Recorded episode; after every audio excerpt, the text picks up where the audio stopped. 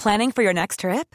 Elevate your travel style with Quince. Quince has all the jet setting essentials you'll want for your next getaway, like European linen, premium luggage options, buttery soft Italian leather bags, and so much more.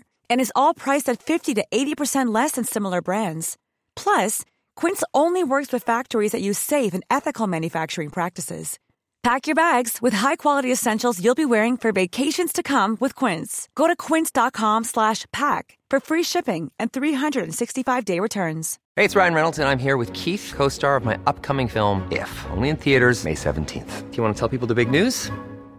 All right, I'll do it. Sign up now and you'll get unlimited for $15 a month in six months of Paramount Plus Essential Plan on us. Mintmobile.com slash switch. Upfront payment of $45 equivalent to $15 per month. Unlimited over 40 gigabytes per month. Face lower speeds. Videos at 480p. Active Mint customers by 531.24 get six months of Paramount Plus Essential Plan. Auto renews after six months. Offer ends May 31st, 2024. Separate Paramount Plus registration required. Terms and conditions apply if rated PG. Even when we're on a budget, we still deserve nice things. Quince is a place to scoop up stunning high-end goods for 50 to 80% less than similar brands. They have buttery soft cashmere sweaters starting at $50, luxurious Italian leather bags, and so much more.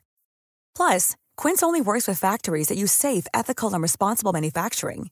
Get the high-end goods you'll love without the high price tag with Quince. Go to quince.com slash style for free shipping and 365-day returns.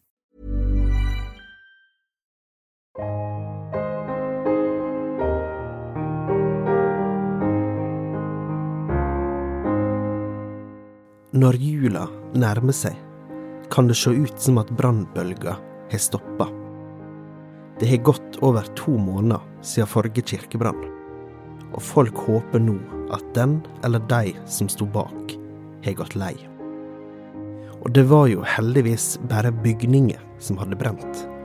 Ingen liv hadde gått tapt. Lite visste folk om hva som var i vente. I jula skulle ting bli veldig mye verre.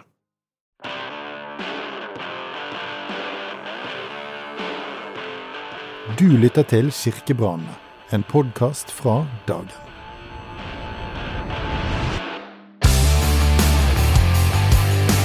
Det er 30 år siden kirkebrannene herja Norge.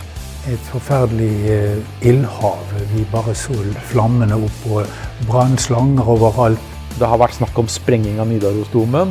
The church burnings were the things that really caught people's imaginations, which brought Norwegian black metal into existence.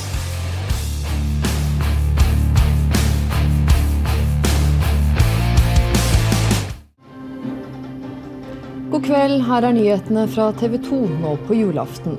Det har vært en dramatisk nyhetsdag med drap, flere ran og branner. Enda en kirkebrann har i dag rystet Norge. Klokken 3.05 i natt. Åsane kirke i Bergen er i full brann. Flammene står ut av vinduer og tak. Trekirken fra 1795 er ikke til å redde. Natt til 24. desember får brannvesenet i Bergen melding om at 200 år gamle Åsane kirke står i brann. Det blåser frisk bris, og når brannvesenet kommer fram, er kirka overtent. Sogneprest Magne Utle er egentlig sjukmeldt denne jula. Han har fått en kraftig influensa og ligger under dyna med feber. Så ringer telefonen.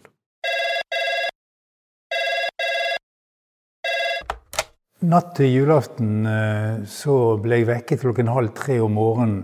Og de fortalte meg at eh, Åsane gamle kirke var overtent. Og ildspåsettelse var sannsynlig. De bare forsøkte nå å begrense ilden og, og, og, slukke den.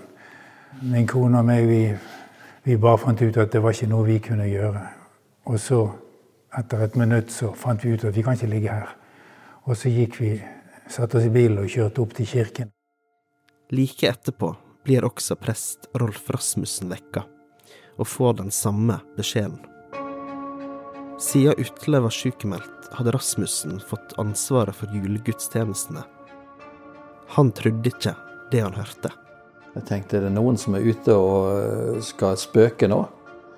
Og den første replikken kunne tyde på det. For den sa at 'kirken brenner', men jeg kjente igjen stemmen. Det var min gode kollega som sa det. Jeg skjønte at han for ikke med tull og tøys midt på natten. Rasmussen kasta seg i bilen og kjørte opp til kirka. Og Der fikk jeg se det synet jeg hadde håpet aldri skulle se. Min egen kirke i brann. Flammene sto opp ifra treverket. En skarp lukt eh, kom av brannen. En lukt helt ulik koselig peisild og bråtebrann. Den var skarp og bitter og rev i nesen, og vinden eh, brakte den nærmere neseborene. Mens presten sto der, skjedde det som kunne blitt ei tragedie. Det brennende klokketårnet raste, og fem brannmenn måtte springe for livet. De trodde en tid at de kanskje kunne berge våpenhuset, men eh, mens de holdt på med det, så sviktet konstruksjonen for kirketårnet. Det braste i bakken i løpet av veldig kort tid. Heldigvis kom de fem brannmennene som holdt på med det, seg unna og ble ikke skadet. Men den nærmeste var bare én meter unna. Like etter at klokketårnet falt, kom også Magne Ytle til kirka. Da var det et forferdelig eh, ildhav. Vi bare så flammene opp og brannslanger overalt. Der var, var brannfolk flere steder. Og vi eh, ble bare loset vekk fra selve stedet. Vi måtte gå, ikke sperre veien opp her. Om få timer skulle bydelen samles til fem julegudstjenester. Nå hang de i en tynn tråd. Prestene gikk inn i bårehuset noen meter fra kirka og holdt et krisemøte. Så vi hadde ringt i mellomtiden til både kirketjener og til organist og til en prest til. Og vi eh, møttes der oppe. Og da hadde jeg mitt merkeligste stabsmøte noensinne. I kjelleren på bårehuset nedenfor her så eh, klarte vi å komme inn, for kirketjeneren hadde nøkkel. Og der hadde vi stabsmøte, det merkeligste stabsmøtet jeg noensinne har hatt, i lyset fra flammene som speilte seg på snøen utenfor. Og vi tok da avgjørelse hva vi skulle gjøre videre. Vi visste jo ingenting mer om hva som skulle, ville skje med kirken, annet enn at den var ubrukelig. Og vi skulle ha fem julaftensgudstjenester den dagen. Og eh, da var det ikke mulig å, å gjøre noe annet enn å begynne å improvisere.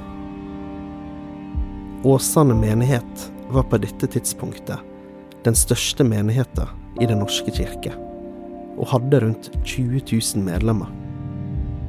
De fikk leie et bygdehus som ungdommene i bydelen brukte til fest. Da menigheten samla seg på ettermiddagen julaften, var stemninga prega av det som hadde skjedd bare timer tidligere. Det var folk som rett og slett begynte å gråte når de fikk høre den nyheten de ikke hadde hørt før. Eh, og gudstjenesten ble preget av det.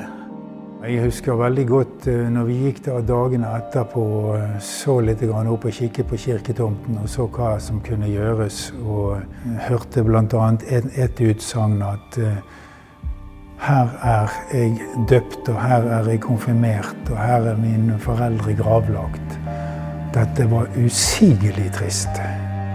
Det var sånn Hele bygdefolket sørget over dette bygget, som betyr så mye mer enn bare det for dem som går regelmessig i kirken. De som bruker kirken i høytidsdager og i triste dager, de eh, kjenner dette som sitt bygg og kjente det tydelig i, inni kroppen. De var sjokkert.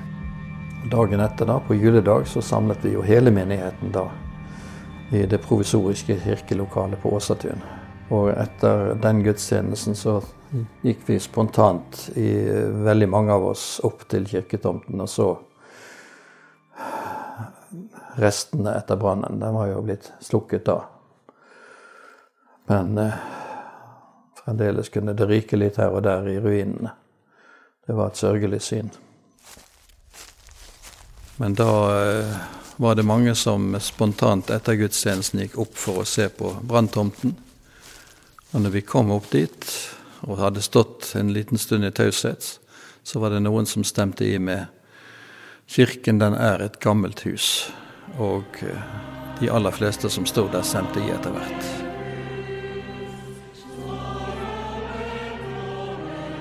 Vi sto vel kanskje en ti-tolv meter unna det tårnet som fremdeles lå i bakken. Men brannen i Åsane var ikke den eneste brannen denne jula. Et døgn seinere begynner det å brenne i metodistkirken i Sarpsborg. Det er natt til første juledag, og to røykdykkere blir sendt inn i bygget. Inne er sikta dårlig, og røykdykkerne mister kontrollen på hvor de er. Så skjer det tragiske. De mister også oversikta over hverandre. Kollegaene i brannvesenet står utafor og aner ikke om dramaet som skjer på innsida. Etter ei stund kommer den ene ut. Den andre, 47 år gamle Odd Ingar Krogfoss, kommer aldri ut. Han ble funnet nesten et døgn etter brannen. Bare halvannen meter fra inngangsdøra. Enda en kirke brant altså ned i natt, og denne gangen krevde det menneskeliv. En brannmann omkom under det vanskelige slukningsarbeidet i Metodistkirken i Sarpsborg sentrum. Under arbeidet med denne podkasten har vi hatt kontakt med familien til Krogfoss. De har vært positive til prosjektet, men landa til slutt på å ikke delta. I et intervju med VG året etter brannen, jula 1993, fortalte den ene sønnen hans, Morten, om hvordan han opplevde natta da faren forsvant. Stemma du skal høre nå, er en skuespiller. Julekvelden var svært hyggelig. Pappa kom hjem, vi spiste og vi hadde det kjempekoselig. I ettertid syns vi han var i ekstra godt humør denne kvelden. Han rakk å pakke opp gavene før han ble kalt ut til utrykning. Morten var på vei til å legge seg da han hørte at det peip i farens calling. En lyd han hadde hørt hundrevis av ganger før. Han tenkte ikke mer på det, og sovna. Klokka halv fire våkna han av at onkelen hans kom inn i rommet. Det har skjedd noe leit, sa han. Pappa er død, han har brent inne i metodistkirken. Jeg ble sittende i en stol i stua. Det verket i armene, jeg greide ikke å løfte dem. De lystret rett og slett ikke. Alt gikk trill rundt for meg. Dagen etter gikk Morten og broren opp til branntomta. Kollegaene til faren i brannvesenet drev fortsatt med etterslokking. De gikk mot guttene og omfavna dem. I timene som gikk fram til faren ble funnet, gikk de flere turer til branntomta. Det handla også om at de fortsatt hadde et lite håp. Selvfølgelig visste jeg jo at han var død, men det var så vanskelig å forsone seg med tanken. Klokka ti på halv seks ble Odd Ingar Krogfoss funnet. Journalist og forfatter Didrik Sørdalin mener brannen har blitt glemt og havna i skyggen av de andre brannene. Det som gjør den kirkebrannen i, i Sarpsborg eh, spesiell, det er at det gikk med et menneskeliv. Og det er en del av dette regnskapet som veldig ofte blir glemt. At det faktisk gikk med menneskeliv også under kirkebrannene. Brannen i Metodistkirken blei aldri oppklart. Men Kripos konkluderte med at brannen ble starta i alterringen. Dermed ligna den på de andre kirkebrannene som vi veit at var påsatt. Dermed sto Kripos igjen med to teorier. Enten må presten ha glemt et lys i kirka, eller som om noen har gjemt seg i kirka etter julegudstjenesten. Vi spør Sørdalin om han har hørt rykte om hvem som sto bak brannen. På 1990-tallet skrev han bok om black metal-miljøet, og intervjua mange av brannstifterne. Sørdalin begynner å vri seg i stolen. Så forteller han. Jeg har mine tanker, men jeg har ikke lyst til å si på i offentligheten. Jeg har mine tanker om hvem det kan ha vært. Og det, var, det, er, ja, det er en, en, konkret person jeg vet om fra området der. Som eh, jeg mistenker altså, at politiet har snakket med. Men eh, men ikke, da ikke vært haua for det, for å si det sånn.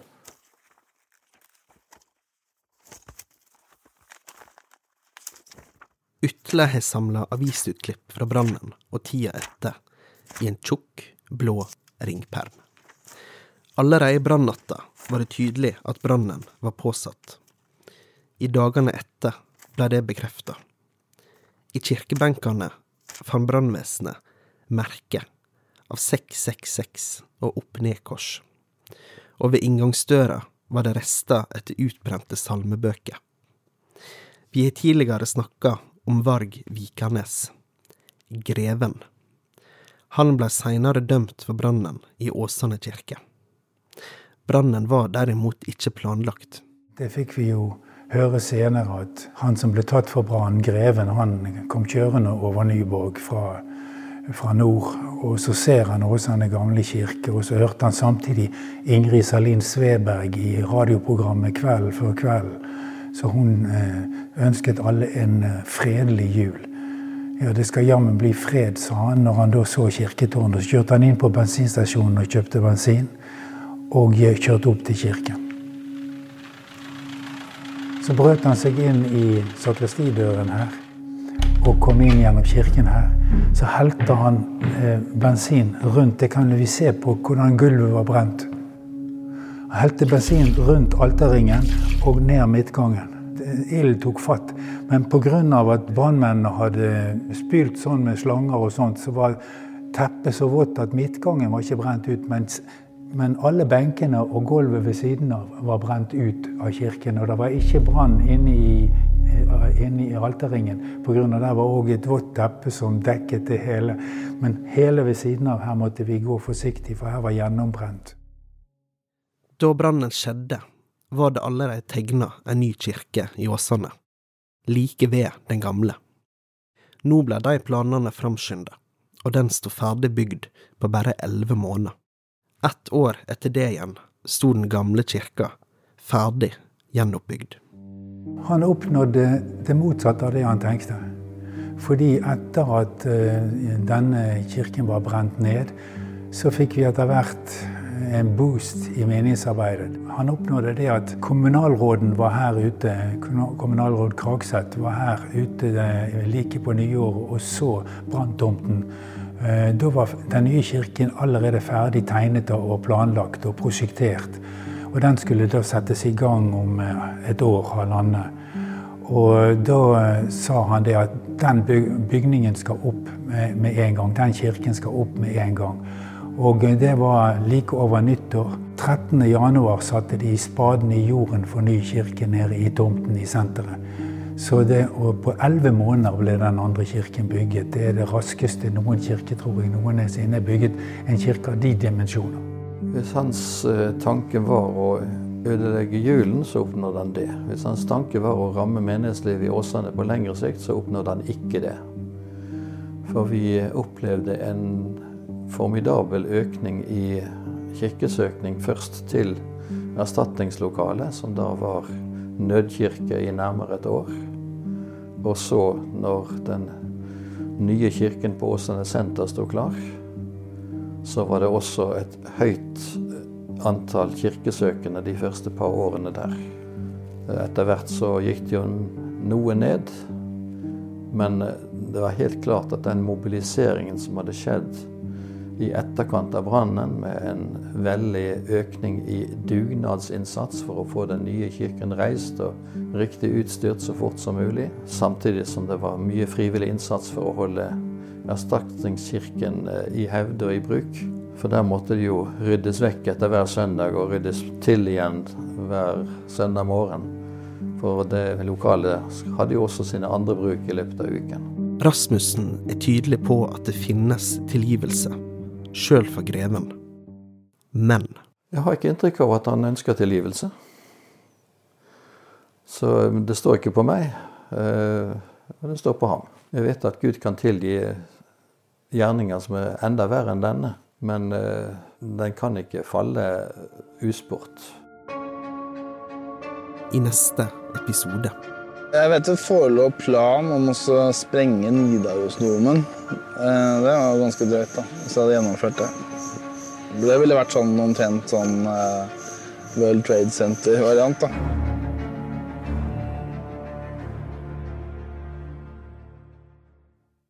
Podkasten Kirkebrannene er laget av Dagen. Journalist og forteller er Carl Almedal. Tekniker er Miriam Kirkholm. Og produsent er Bjørn Olav Hammerstad. Planning for your next trip? Elevate your travel style with Quince. Quince has all the jet setting essentials you'll want for your next getaway, like European linen, premium luggage options, buttery soft Italian leather bags, and so much more. And is all priced at 50 to 80% less than similar brands.